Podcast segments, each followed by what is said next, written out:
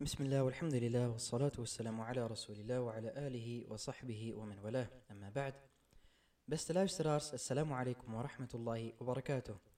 Welkom bij de vierde aflevering van een kijkje in het leven van de profeet sallallahu alayhi wa sallam.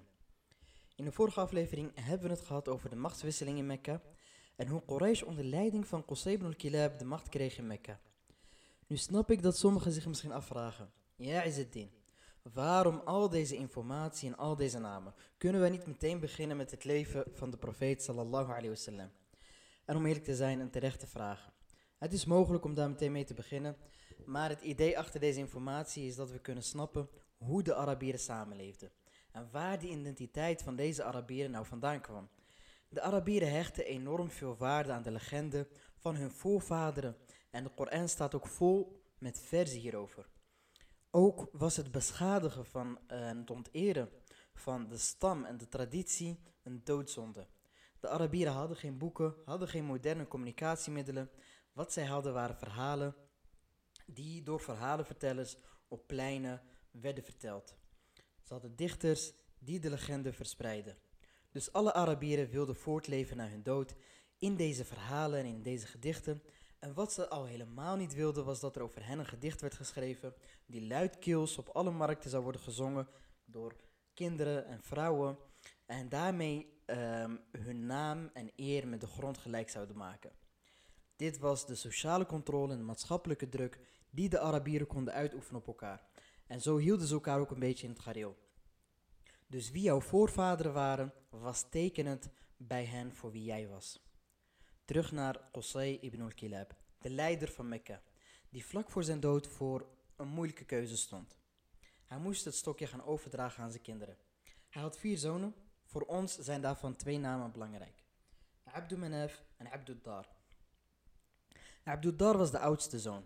En in tegenstelling tot zijn broertje Abdul Manaf was hij niet iemand van status geworden in het leven van zijn vader. Om daar verandering in te brengen, besloot Qusay ibn al-Kilab alle taken over te dragen aan zijn oudste zoon Abdul Dar. Abdul Manaf had al status in zijn leven, dus die zou zich wel redden. Dat was de gedachte van hun vader. Dit ging goed, totdat de kinderen van Abdul Manaf ruzie kregen met de kinderen van Abdul Dar.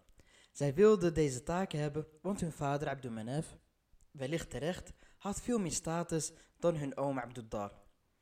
Ik weet, het zijn veel namen, maar we gaan deze nodig hebben straks als de profeet sallallahu alayhi wasallam met zijn profeetschap in Mekka gaat beginnen. Dan zul je merken dat je heel wat hebt gehad aan deze informatie.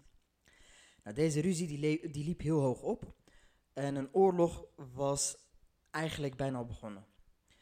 Binnen Quraysh was ehm, het zo dat iedereen zich ging scharen achter een gezin. Dus achter Abdul Manaf, de kinderen van Abdul Manaf of achter uh, Abdul Dar.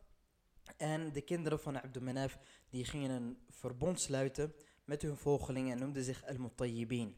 Van het Tib, het parfum. Omdat zij hun handen hadden geparfumeerd en daarmee hadden ze aan Kaaba geveegd als een teken van hun verbond. De kinderen van Abdul Dar noemden zich Al-Ahlaf. En toen de zwaarden geslepen waren en elkaar dreigden te kruisen, verzoenden deze twee groepen zich met als uitkomst dat de kinderen van Abdul Manaf As-Siqaya en Rifade kregen, wat we al de vorige keer hebben behandeld. As-Siqaya was eh, de Hujjaj voorzien van water en Rifada was uh, hem van voedsel voorzien. En de rest was voor de kinderen van Abdul Dar. Nou, wie zijn eigenlijk deze kinderen van Abdul Manaf? Dat zijn Nofel, Abdul Shams, Al-Muttalib en Hashim. En in eerste instantie gingen alle taken naar Hashim, omdat hij het meeste status had.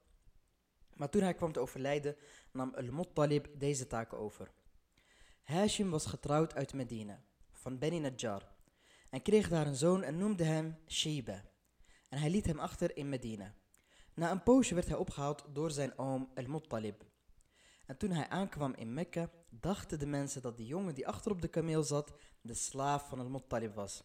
En zo werd Sheba Abdul Muttalib genoemd. En zoals jullie weten, Abdul Muttalib was wie? Dat was natuurlijk de opa van onze profeet Mohammed sallallahu alayhi wasallam. En Abdul Muttalib was een man van status en van de vooraanstaande van Quraysh. Hij nam de taken van de Rifad en de Siqaya over. En deze status en roem die Abdul Muttalib genoot in zijn leven, zullen heel belangrijk zijn in het leven van onze profeet Mohammed sallallahu alayhi wasallam. Ik hoop dat de informatie duidelijk was en niet te zwaar van stof. Mogen Allah subhanahu wa ta'ala ons kennis en wijsheid schenken. Wa sallallahu wa sallam wa barak ala nabina Muhammad wa ala alihi wa sahbihi ajma'in. Bedankt voor het luisteren. Wassalamu alaikum wa rahmatullahi wa barakatuh.